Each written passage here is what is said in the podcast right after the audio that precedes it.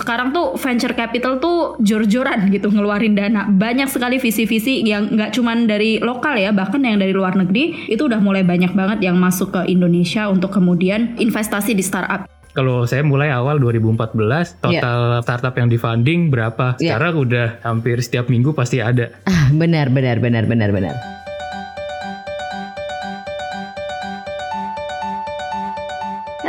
And welcome to the show where we bring you some unique stories from our inspiring alumni with me, Desi Bahir.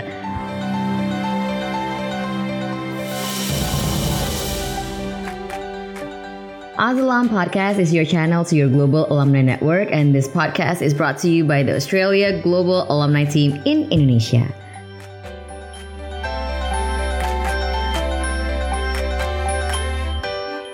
Nah, teman-teman alumni, apa sih yang kepikir kalau misalnya dengar kata entrepreneur? Mungkin ada yang membayangkan sosok pengusaha wanita muda seperti Melanie Perkins, CEO and co-founder Australian tech startup Canva, yang kebetulan aku pakai juga sih, yang pernah dinobatkan sebagai top under 30 founders of the decade oleh Forbes atau pebisnis handal yang memiliki kemampuan dalam memprediksi the next big thing seperti Rupert Murdoch dan Richard Branson. Sebenarnya sih nggak ada profil demografi atau personality yang spesifik untuk menjadi seorang entrepreneur yang sukses. Siapa pun kita, baik dari berbagai kalangan usia, gender, suku, status ekonomi, dan sosial, bisa banget jadi entrepreneur kalau misalnya punya dedikasi, dorongan kuat, mental yang juga kuat, ini pengalaman pribadi kalau ini ya, dan kemampuan bisnis yang luar biasa. Dan yang namanya kemampuan kewirausahaan itu bisa dipelajari dan dilatih. Seperti halnya pengalaman kedua tamu kita yang sedang menekuni dunia usaha di usia mereka yang masih sangat muda.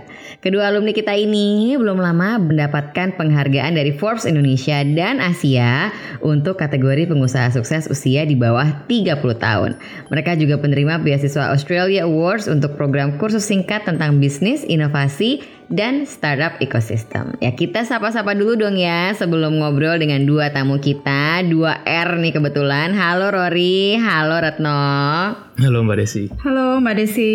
Hai, mungkin boleh kenalan dulu kali ya dari siapa nih yang duluan kenalan Rory atau Retno? Bebas aku. Kenalkan saya Rorian, saya co-founder and director dari Wubis. Wubis itu startup yang fokusnya mau membantu individu untuk bisa dapat akses ke ekonomi digital melalui berdagang atau sekarang istilahnya sih social commerce gitu bahasa keren. Ah, iya iya iya. Nah untuk aku sendiri dapat beasiswa short term di tahun 2016 ke QUT Queensland University of Technology. Fokus studinya di bidang entrepreneurship. Kebetulan waktu itu batch pertama ya. Dan pemfokusannya waktu itu di peningkatan skala bisnis. Fokusnya di teknologi dan manajemen inovasi. Itu sih. Oke, jadi itu Rory ya. Nanti kita akan ngobrol lebih lanjut mungkin mengenai itu. Nah, kalau Retno sendiri gimana? Halo semuanya, very nice to meet you Mbak Desi and Mas Rory. Aku Retno, sekarang aku menjabat sebagai prinsipal di perusahaan venture capital namanya Access Ventures. Access Ventures sendiri adalah perusahaan modal ventura yang berasal dari Hong Kong dan kita sudah berinvestasi di Asia Tenggara itu sejak tahun 2017. Kebetulan dulu juga dapat short term awards dari Australia Awards Indonesia di tahun 2019. Itu juga sama programnya untuk startup ecosystem dan yang mengadakan waktu itu hostnya adalah Flinders University. Jadi punya kesempatan untuk berinteraksi dan juga sharing session gitu sama dengan startup dan juga para visi yang ada di Australia. Oke, I think it's a very interesting ya untuk apa yang dikerjakan juga oleh Rory dan Retno apalagi kan udah benar-benar direcognize juga ya sampai udah dapetin Forbes 30 under 30. Nah, tentunya kita pasti bangga dong ya gitu kan sebagai sama Australian alumni dengan penghargaan yang uh, Retno dan Rory udah dapetin dan juga kesuksesan yang diraih di bidang entrepreneurship dan venture capital di usia yang masih sangat muda. Nah, sebenarnya apa sih gitu kan? Kan apa kadang-kadang orang punya alasan-alasan yang berbeda ya gitu kenapa masuk ke dunia yang kalian sedang geluti sekarang ini. Nah, kalau misalnya Rory nih, gimana sih asal muasalnya sampai akhirnya bisa memasuki apa yang sedang dikerjakan sekarang? Oke, sebenarnya Wubis ini startup saya yang kedua. Jatuh bangunnya lumayan deh. Oh, ini adalah yang kedua. Oke. Iya, Wubis ini startup saya kedua. Kebetulan tuh memang perusahaan sebelumnya saya bantunya di technology adoption. Memang saya fokusnya di teknologi, ngebantu technology adoption di second tier and third tier city atau kota di luar metropolitan gitu ya. Hmm. Saya banyak bantu ketemu sama UMKM UMKM untuk bisa adopt teknologi finansial kan rekening bank penetrasinya di sana kurang gitu ya. Hmm. Jadi banyak yang terbantu tapi saya juga sadar bahwa sebenarnya bukan hanya layanan finansial yang mereka butuhkan dibantu melalui teknologi tapi mereka punya masalah yang lebih inti yaitu masalah keuangan sebenarnya. Makanya Hmm. pada saat saya mau buat startup yang kedua ini fokus saya di situ. Motivasi saya emang gimana caranya membantu men-solve gig ekonomi atau gig workers ini. Dan 2018 akhir saya sama co-founder saya kita decide kita buat empowerment platform menggunakan perdagangan lah. Hmm. Dan 2019 kita build, Hmm. habis itu 2020 tuh pandemi ya. Jadi ini baru ya sebenarnya Baru, baru 2019. sebenarnya, Jadi ini 2019. baru nih pre corona ya. Iya, Mm-mm. bulan pertama setelah pandemi, bulan kedua itu tiba-tiba kita dapat organic growth yang luar biasa. Dan gig workers itu tiba-tiba naik Ah. dan ternyata gig worker itu 2018 tuh di 35 setengah juta, habis itu 2019 36 setengah juta. Hmm. Pas kita lihat datanya di pertengahan aja itu udah 40 juta. Oke. Jadi dia naiknya tuh di akhir tahun kita dapat datanya sekitar 47 juta, jadi 27 persen naiknya kan. Mm, mm, mm, Nah itu dari sana kita fokus untuk eh, empowering individu ini, kita nemu market fitnya di situ. Oke, itu tadi ceritanya dari Rory. Nah, kalau Retno sendiri gimana? Gimana sih caranya masuk ke dunia venture capital yang aku tahu juga sebenarnya kan it's a man's world kan ya sebenarnya ya gitu. Mungkin boleh diceritain deh gitu. Kenapa sih gitu masuk ke sini? Apakah kecemplung? Apakah emang pengen atau gimana? Well, sebenarnya funny story nggak di plan sih mbak masuk venture capital. sebenarnya kalau dilihat dari backgroundnya, aku belajarnya itu international relations buat S1-nya Ah. gitu kan. Waktu itu di 2015 itu ada perusahaan modal ventura dari Silicon Valley, namanya Venox Venture Capital. Sekarang udah ganti nama jadi Pegasus Tech Ventures. Nah back then di 2015 pas aku lagi skripsi, mereka tuh ada vacancy jadi intern gitu. Aku nggak ngerti sama sekali dunia venture capital firm waktu itu kan. Terus aku Iya. apply dapet itu surprisingly gitu kan. Setelah empat bulan internship aku dipromo tuh jadi full time investment analyst gitu kan. And um, banyak belajar industrinya segala macam terus suka gitu kan. Iya. nah ya udah tuh aku stay di sana. Terus 2017 waktu aku umur 23 dipromot jadi Southeast Asia Regional Manager. I really like the industry. Stay di sana for about three and a half years. Terus sempet join buat corporate innovation itu kemarin di Coca-Cola Amatil kurang lebih itu sekitar 9 bulan dan baru kemudian di Februari 2020 aku memutuskan untuk kembali ke dunia venture capital dengan join di Access Ventures. Oke. Ya memang bener sih kayak yang tadi Mbak Desi sempat bilang gitu sebenarnya Ya. VC memang masih banyak posisinya didominasi oleh laki-laki Ya. gitu daripada women gitu. Tapi sebenarnya bukan berarti ada inequality loh. Sebenarnya everyone has the same chance. Cuman kadang yang aku lihat fenomenanya memang banyak mungkin beberapa yang memutuskan untuk tidak terjun di sana gitu. Kalau misalnya dari teman-teman ada yang tertarik untuk masuk ke dunia VC, silahkan. Sekarang banyak banget yang pengen masuk ke VC, and yeah, I would say it's pretty competitive now. Ya, I think VC udah menjadi lumayan kompetitif ya dan sebenarnya menarik banget ya dari yang tadinya gak ada keinginan sama sekali. Tadi pengen jadi diplomat ya atau jadi lawyer gitu kan. Ternyata malah terjun kemudian ke VC malah kayaknya no looking back keluar sedikit balik lagi ke VC gitu kan ya. Oke kita tadi ngomongin mengenai tantangan-tantangan yang dialami gitu ya mungkin. Tadi Rory udah sempat nyebut ini startup yang kedua yang pertama jatuh bangun. Dan aku rasa ya sebagai sama entrepreneur ya eh, Rory yang namanya jatuh bangun nggak cuma satu kali jatuh terus bangun tuh enggak kan ya gitu. Ada jatuh bangun jatuh bangun jatuh bangun. Nah kita berharap kita berakhir dibangun gitu. Nah tapi pengen tahu deh apa sih tantangan terbesarnya yang sudah dialami Rory selama ini sebagai seorang pendiri dari startup Ya, nggak usah sih sebenarnya uh, kalau pendiri startup saya selalu percaya bahwa self improvement itu yang terpenting kan. Jadi kalau saya musuh terbesarnya itu diri kita sendiri kalau buat saya. Musuh terbesarnya tantangan terbesar adalah self doubt. Hmm. Waktu pertama kali buat startup harus ngelit orang-orang yang terkadang umurnya jauh di Iya. atas saya gitu kan. Apakah dia percaya nih sama apa yang saya omongin? Mm-mm. Ya kan jadi banyak self doubt situ. Tapi lama kelamaan mulai percaya diri. Mm. Dan itu juga salah satunya karena ada grit sama perseverance ya. Jadi pantang menyerah, percaya sama kemampuan, sama rules yang uh, 10,000 hour rules yang 10.000 jam itu Hmm. benar. Jadi 417 hari lah kurang lebih. Hmm. Kalau kita lakuin terus menerus, lama-lama biasa and capable. Jadi memang menurut saya sih tantangan terbesar memang di diri sendiri sih self doubt. Mm. Kata kuncinya sih sebenarnya sebenarnya nggak apa-apa nggak tahu semua. Hmm. Kalau kita udah punya tim, kita bisa solve bareng sama tim dan juga culture startup saya, saya coba bangun istilahnya nggak apa-apa kita coba karena iterasi yang akan menjawab semua masalahnya. Iya. Apakah itu yang kayak tadi ya jatuh tujuh kali bangun 8 kali tapi semoga nggak jatuh sampai tujuh kali.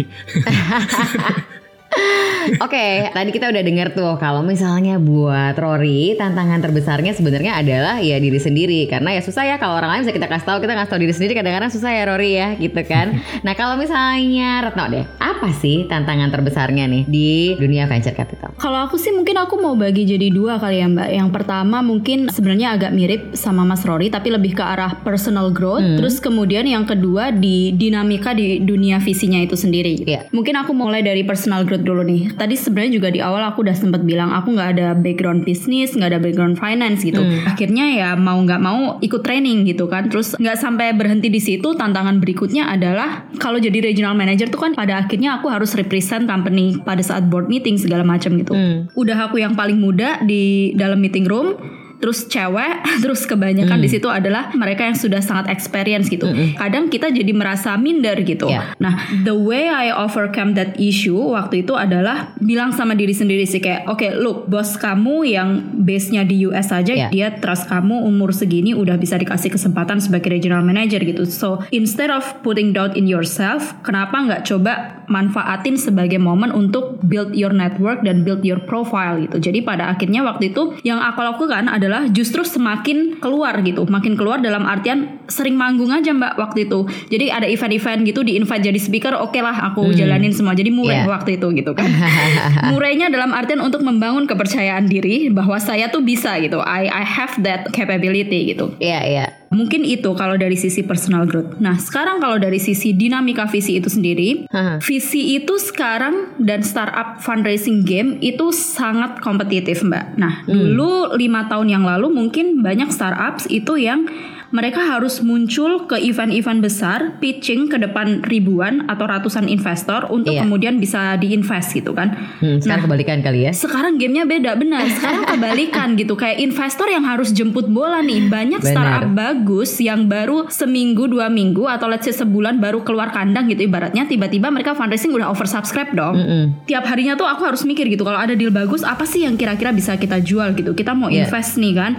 Selain uang, benefit apa yang Iya. bisa kita berikan ke company-nya gitu. Apakah kita bisa support business development? Apakah kita punya akses ke negara lain? Jadi kalau startupnya mau ekspansi ke sana kita bisa bantu dan sebagainya Iya. gitu. Jadi kita harus benar-benar kayak trying to sell something gitu. Kayak we are not only bring money to the table, but we have another competitive advantage. That's why you need to take our money gitu instead dari venture capital firm yang lain gitu.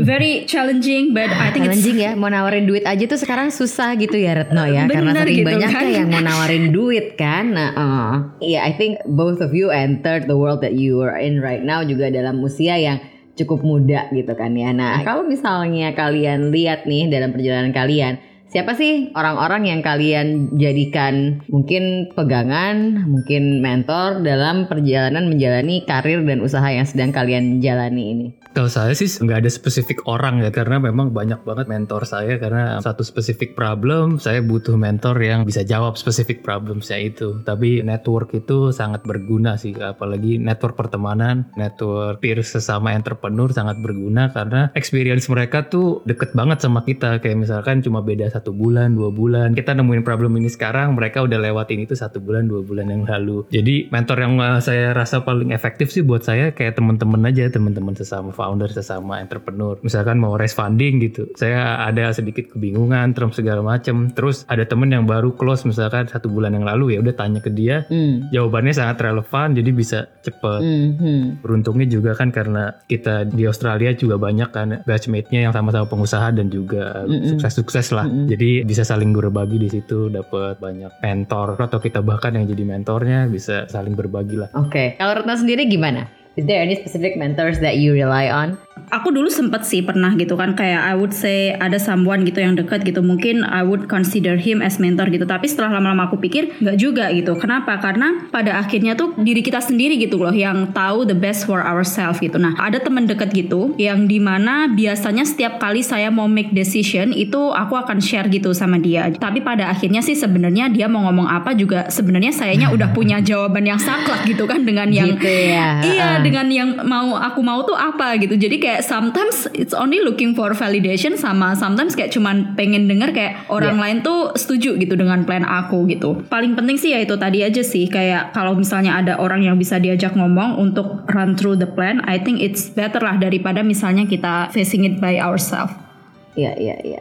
Oke. Nah, kalau misalnya ini nih ya, aku tuh baru lihat nih ya. Jadi baru-baru ini Pak Erick Thohir mengatakan bahwa rasio jumlah wirausahawan di Indonesia itu baru 3,47 persen. Nah, ini kan rendah banget ya kalau dibandingin dengan negara-negara lain di kawasan Asia Tenggara. Apalagi juga pembaginya kita jauh lebih gede nih. Nah, gimana sih tanggapan teman-teman nih gitu mengenai peran generasi muda dalam memperkuat fondasi kewirausahaan di negara berkembang seperti Indonesia? Gantian deh Retno dulu coba jawab. Oke, pertama sih kalau wirausaha di sini kan sebenarnya banyak ya, ada yang konvensional gitu, terus ada yang tech startups gitu. Mungkin aku bisa bantu jawab dari sisi tech startups kali ya, Hmm, karena memang hmm. itu di dunia aku gitu. Hmm, Sebenarnya ya Mbak, kalau misalnya sepengalaman aku, akhir-akhir ini sebenarnya lumayan banyak banget startup-startup baru yang muncul. Banyak anak muda yang sebenarnya mulai berani gitu kan untuk bikin startups. Cuman memang, memang nggak semuanya tuh berhasil gitu. Iya. Indonesia tuh sebenarnya susah-susah gampang gitu loh untuk di crack marketnya kan. Bener. Satu challenge-nya adalah dinamika dari market behavior setiap kota atau bahkan setiap pulaunya itu emang udah beda gitu kan. Jadi memang itu challenging banget.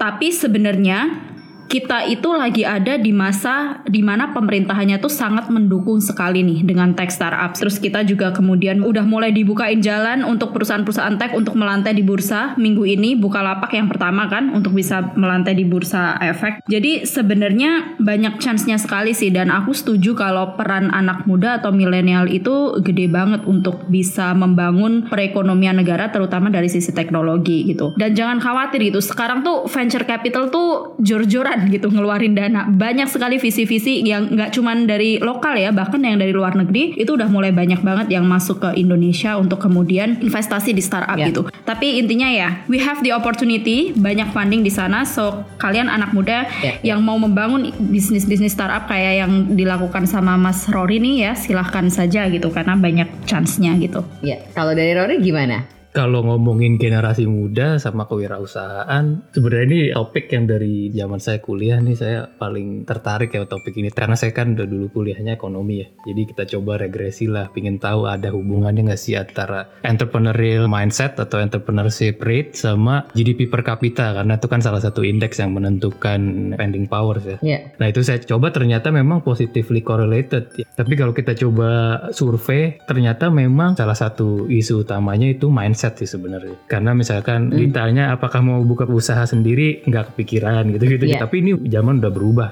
Apalagi ada sosial media dan lain-lain. Banyak motivasi yang orang bisa dapetin sih. Iya, iya, iya, iya. Kuncinya sih memang di wawasan, peningkatan wawasan. Karena dari sana sebenarnya dari wawasan itu kita jadi ekspor sesuatu yang baru, kita jadi inovasi. Apalagi perusahaan rintisan kan keunggulan utamanya dibanding dengan perusahaan yang udah lama gitu kan inovasi kan sebenarnya. Mm, mm, mm, mm. Semakin tinggi wawasannya harusnya inovasi iterasinya bisa lebih tinggi sehingga kemungkinan dia untuk terus coba dan bisa mengenerate produk yang unggul sih lebih tinggi sih.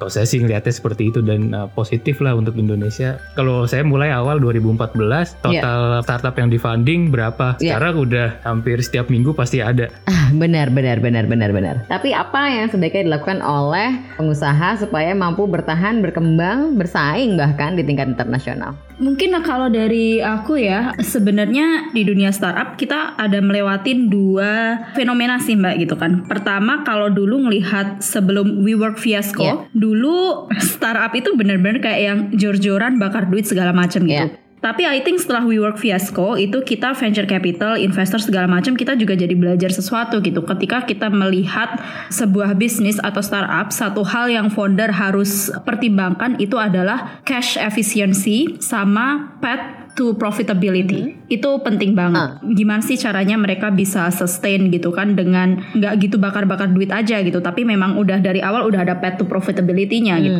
After that berubah lagi nih ada fenomena nih yang sampai sekarang COVID-19 gitu kan, nggak ada yang bisa memprediksi gitu COVID-19 kejadian segala macam. Nah seberapa cepat sih para founder ini bereaksi terhadap fenomena tertentu untuk kemudian pivot atau adapt towards the situation gitu. Ya. Nah, kalau ngomongin ya apa sih tipsnya gitu biar bisa bersaing secara internasional atau sustain gitu. Mungkin dari awal itu memang dilihat dari produknya. Aku selalu bilang biasanya kalau ngelihat startup atau mengevaluasi bisnis itu this kind of product itu butuh localization gak sih? Kalau misalnya butuh lokalisasi itu seberapa ribet Yeah. lokalisasinya? Salah satunya nih aku kan invest nih di credit scoring company gitu. Terus dia pakai artificial intelligence, Yeah. pakai metadata gitu. That kind of product tuh nggak butuh lokalisasi sebenarnya karena mau di negara mana pun semua butuh credit scoring and that kind of metadata bisa diambil dari your phone gitu. Jadi mindsetnya dari awal emang udah going global. Jadi memang produknya dari awal sudah sesuatu yang tidak butuh lokalisasi yang terlalu banyak-banyak gitu. Nah, based on my experience, Yeah. kalau mau scale atau mau ekspansi segala macam itu penting banget yang namanya ada local person atau local partner gitu. Misalnya mau ekspansi ke Malaysia, Filipina or Vietnam lah misalnya yang market dinamikanya paling mirip sama Indonesia. Iya. Kita mungkin bisa bilang market behaviornya sama kok gitu kan. But there is something else yang di sana mungkin kalian nggak tahu gitu, bukan market dinamika tapi regulation gitu. Mungkin bisa aja kehalang di regulation or apa segala macam. So Iya. make sure kalau memang mau ekspansi itu ada local partner atau local person on the ground gitu. Ah, benar. Rory mungkin you have anything to add? Itu bener banget tuh. Kalau saya sih tambahannya paling kalau kita mau bersaing, Hmm. gimana caranya kita bisa memanage resource yang kita punya seefisien mungkin. Hmm. Kalau misalkan let's say ada satu startup dapat fundingnya 10 juta dolar gitu atau misalkan 100 miliar. Iya. Tapi manajemennya nggak efisien nih pakainya. Ya. Yang efektif cuma 10 miliar ternyata. Iya. Ada satu lagi startup yang dapatnya cuma 15 miliar tapi Hmm. mungkin semuanya efektif. Iya. Ya, itu udah langsung kelihatan eh, bukan hanya jumlah uang yang didapat sebenarnya yang eh, bisa menentukan startupnya itu sejauh apa tapi juga resource management. Iya. Mungkin ada startup yang timnya 100 orang tapi ternyata banyak yang gak efektif juga yang kerja sebenarnya cuma 15 Iya. ya kan ada juga ternyata yang dia buildnya dari awal pelan-pelan yakin dulu sampai dia yakin oh orang ini nih yang yang dia butuh. Dia punya 25 tim tapi kerjanya semua in sync kan semuanya Iya. bagus dan bisa kelihatan bahwa startup mana yang lebih efektif. Hmm. Dan di dunia tech ini Hmm. ada beauty sebenarnya yang hanya di tech startup ini nih yang dia pakai karena kalau konvensional kan biasanya ada aset, asetnya dihitung investasinya berapa, habis itu Iya. akan bertahan berapa lama, ada amortisasi, depresiasi gitu kan ya semacam Hmm. itu. Kalau misalkan di startup ini kan nggak ada sebenarnya aset yang tangible-nya tuh nggak ada. Iya. Karena tadi kalau kita ngomong path to profitability, kalau kita ngomongnya teknologi salah satunya adalah itu tadi gimana caranya kita bisa mengakuisisi atau kita bisa menjalankan operasionalnya seefisien mungkin tapi revenue-nya tuh bisa secure dan recurring gitu loh Iya. sehingga itu jadi aset. Iya, jadi emang kalau dari Rory tambahannya pesannya memang ya harus ya efektif dan efisien. Oke, tadi tadi Retno sama Rory juga sempat cerita mengenai keikutsertaan kalian di kursus singkat yang dikelola oleh Australia Awards in Indonesia. Nah, mungkin bisa diceritain dikit nih pengalamannya gimana dan benefit apa yang didapetin dari situ. Mungkin bisa dulu dari Retno, silahkan. Ya, kalau aku sih sama Australia sendiri aku bisa bilangnya dua awards kali ya. Yang pertama itu sebenarnya dulu itu aku sempat masuk sebagai delegasi dari Canberra Fellowship itu yang buat emerging women leaders. Waktu itu punya kesempatan juga untuk ketemu sama akselerator, bertemu dengan menteri luar negeri di Canberra. Tapi sebenarnya yang paling berkesan itu yang ketemu dengan akselerator karena dari situ aku dapat job, Mbak. yang tadi aku bilang yang habis keluar dari Pegasus itu kan aku sempat ke Coca-Cola Iya, iya, Amatil iya, tuh iya. itu corporate Uh-uh. innovationnya Uh-uh. itu dipegang sama Blue Chili Accelerator itu accelerator dari Sydney gitu so I met them during the Canberra Fellowship nah kemudian Aprilnya pas Short Terms Award yang startup ecosystem aku pelajarin dinamika startup di sana tuh kayak gimana Iya, iya. dan sampai sekarang masih ada tuh salah satu seed funding dari Australia yang sampai sekarang masih actively looking for opportunity ke Southeast Asia gitu. Jadi masih Hmm. sering komunikasi lah gitu kan how we can work together kayak itu kayak sharing deal segala macam. I see. Oke, itu kalau ceritanya Retno. Kalau ceritanya Rory gimana nih mengenai short course di Australia? Ya, kalau aku sih waktu itu short course-nya yang teknologi, tapi itu keempat kota, jadi luar biasa. Hmm. Jadi bener-bener kayak on a band tour sebenarnya. Iya, iya, Kita iya, sempat iya. tuh keliling di Queensland, Sydney, Brisbane sama Canberra Hmm. untuk belajar dari startup-startup di setiap kota. Kebetulan juga sama ke Blue Chili juga. Hmm, hmm, hmm. Yang berkesan banget sebenarnya mereka punya filosofi tuh Hmm. from Australia to the world. Jadi mulai dari Australia tapi produknya dipakai bisa buat luar negeri kan kayak Canva kan sebenarnya semuanya dari Australia kan tapi semuanya diakses global. Iya. Marketnya selalu dia bilang thinkingnya global dan itu yang kita pelajari banget sih karena mereka sangat di produk terutama di tech-nya. Oke, so that's an inspiration juga ya. Jadi kan nih kan dua tahun lalu juga Rory menerima penghargaan dari Australian Embassy untuk alumni dalam kategori Outstanding Young Alumni Award. Nah ini sebenarnya ceritanya apa sih yang bikin kamu mendapatkan penghargaan tersebut? Dan kalau misalnya teman-teman alumni nih mau ikut serta dalam menominasikan diri sendiri atau mungkin fellow alumni, gimana caranya? Ya waktu itu kebetulan saya lagi aktif-aktifnya tuh di Australian alumni ya. Hmm. Dari sana saya dapat informasi di nominate juga sama batchmate-batchmate yang lain. Hmm. Nah kalau ada yang mau ikut sih sebenarnya bisa langsung ke websitenya Australia Awards. Di situ tuh ada form nominasinya. Itu bisa buat nominasiin diri sendiri atau kalau ada temennya yang mungkin inspiring tuh bisa diajuin di sana. Ya. Sekarang tuh kalau nggak salah ada tiga kategori ya. Ada innovation and entrepreneurship, ada promoting women empowerment and social inclusion, sama alumni of the year award. Hmm. Itu kalau nggak salah tutupnya di tanggal 23 September. Jadi masih ada waktu. Masih keburu teman-teman. Buat teman-teman yang lagi dengerin, kalau misalnya mau daftar untuk menominasikan orang lain atau menominasikan diri sendiri, jangan lupa kunjungin website Australia Awards dan mengisi formnya online tutupnya tanggal 23 September. Ngomong-ngomong soal tanggal nih ya. Nah, kita kan tahu nih di bulan Agustus ini ada perayaan World Youth Day dan juga World Entrepreneur Day. World Youth Day tanggal 12 Agustus dan juga World Entrepreneur Day tanggal 21 Agustus. Nah, sebagai milenial yang sukses dalam bisnisnya, menurut kalian apa sih tips yang bisa di-share ke teman-teman alumni sekarang yang sedang mulai berwirausaha agar mampu menciptakan lapangan kerja baru dan berkontribusi dalam pertumbuhan ekonomi di Indonesia? Uh, pertanyaannya sih gampang ditanya tapi jawabannya mungkin susah. Apa Retno? Kalau aku sih mungkin in general gitu, nggak cuman kalau misalnya mau bisnis tapi karir juga Iya. kali ya mbak. Know when to give Hmm. up. Kita tuh harus tahu kapan kita harus give up. Karena sometimes if we already know we cannot win the war, ya udah it's time to give up. Habis itu ya udah pivot gitu kan atau change your plan gitu. Jadi kalau misalnya entrepreneur gitu, kita baru mulai misalnya kan, terus pas kita lagi product validation, ternyata kita melihat memang product market fitnya nggak ada gitu. Kalau memang udah tahu product market fitnya nggak ada, ya nggak usah dipaksain dengan bilang jangan menyerah gitu kan. It means you need to give it up and try to pivot gitu. Karena mungkin aku lihat tuh kebanyakan startup-startup yang gagal tuh mungkin dari awal memang sudah problem solution fit atau product market fitnya itu salah duluan gitu kan. Iya, so I think that's a very nice tip gitu. Kalau misalnya dari Rory sendiri gimana? Kalau dari saya sih tingkatkan wawasan udah pasti. Kita nggak mungkin tahu semua jawabannya, jadi harus selalu tingkatin wawasan. Tapi sebenarnya yang terpenting banyak Iya. opportunity itu selalu lewat aja, tapi kita nggak sadar mungkin. Salah satunya mungkin kayak misalkan di Australian alumni ini kan ada forum sebenarnya. Nah itu saya banyak juga, Hmm, maksudnya hmm. approach-approach orang dari sana kolaborasi dan banyak menghasilkan sebenarnya. Iya. Harus mulai lebih aktif dan peka sama network sekitar kita sih. Iya. Intinya sih sebenarnya kolaborasi. Jadi harus kolaborasi. Nggak mungkin kita semua bisa lakuin sendiri. Kolaborasi mungkin ada nanti yang mau kolaborasi sama saya bisa juga.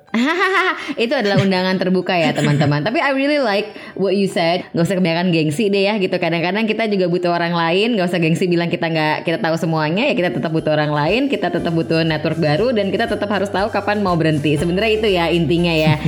Oke terima kasih banget Rory dan juga Retno udah join podcast kita kali ini. Di episode selanjutnya masih ada interview-interview eksklusif dengan tamu-tamu yang lain. Dengerin terus Aus Alum Podcast di mana saya akan ngobrol tentang pengalaman Australian alumni lain yang tentunya menginspirasi dan memiliki berbagai cerita menarik. Now that's all for this episode on the Aus Alum Pilot Podcast. If you like our podcast, leave us a rating and a review. And if you want to stay connected with our alumni networks and stay up to date with our alumni events, you can subscribe to our Australia Global Alumni Weekly Updates and join our Australia Indonesia Alumni Forum on LinkedIn. The links are in the show notes. So see you back here in September. Oke semuanya, saya Desi Wahir. Saya Lorian Fatiaksa. Saya Retno Dewati. Sampai ketemu. Bye-bye. Bye.